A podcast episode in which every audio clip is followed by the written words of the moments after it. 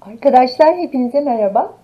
Ben Atatürk İlkeleri ve İnkılap Tarihi Enstitüsü Müdürü Profesör Doktor Tülay Alim Baran. Güz ve bahar döneminde almakta olduğunuz Atatürk İlkeleri ve İnkılap Tarihi derslerini enstitü olarak biz organize ediyoruz.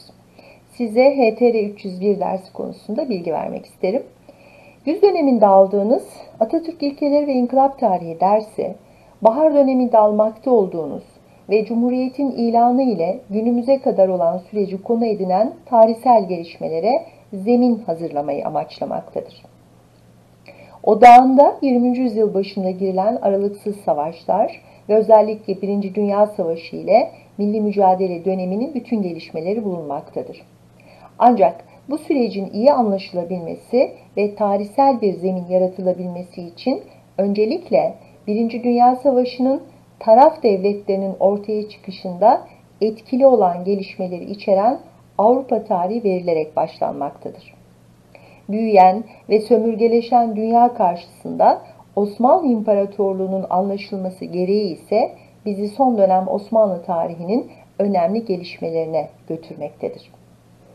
Bu kapsamda çöküş analizi ve çöküşten kurtulma adımları ile 19. yüzyılın siyasi, askeri, sosyal gelişmeleri, kurumlar, aydınlar, fikir hareketleri ayrıntılı olarak ele alınmaktadır. 20. yüzyılın başında arka arkaya girilen Trablusgarp, Balkan ve Birinci Dünya Savaşı'nı takiben mütareke dönemi gelişmeleri, imparatorluğun 20. yüzyıldaki genel görünümü ve dünya devletlerinin gelinen noktadaki siyasi tutumları 19. yüzyıl analizinin üzerine inşa edileceği için kolay anlaşılacaktır.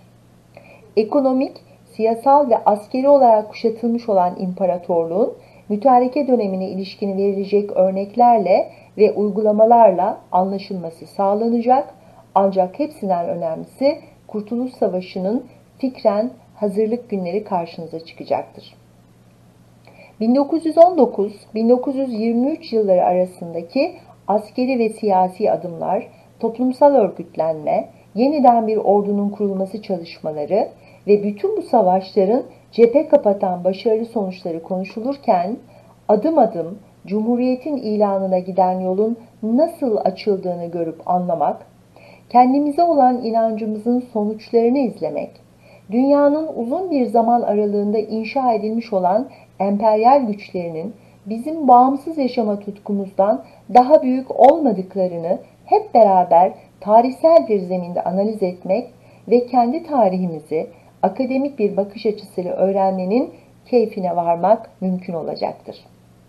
Dönemin sonunda Avrupa tarihi, dünya tarihi, özellikle 19. ve 20. yüzyıl Osmanlı tarihi, milli mücadele tarihi, Kurtuluş Savaşı, Bağımsızlık Savaşımızın ve Cumhuriyetimizin kurucusu Mustafa Kemal Atatürk, siyasal değişiklikler anlaşılıp analiz edilebilecek ve tarih bilgimiz yenilenecektir.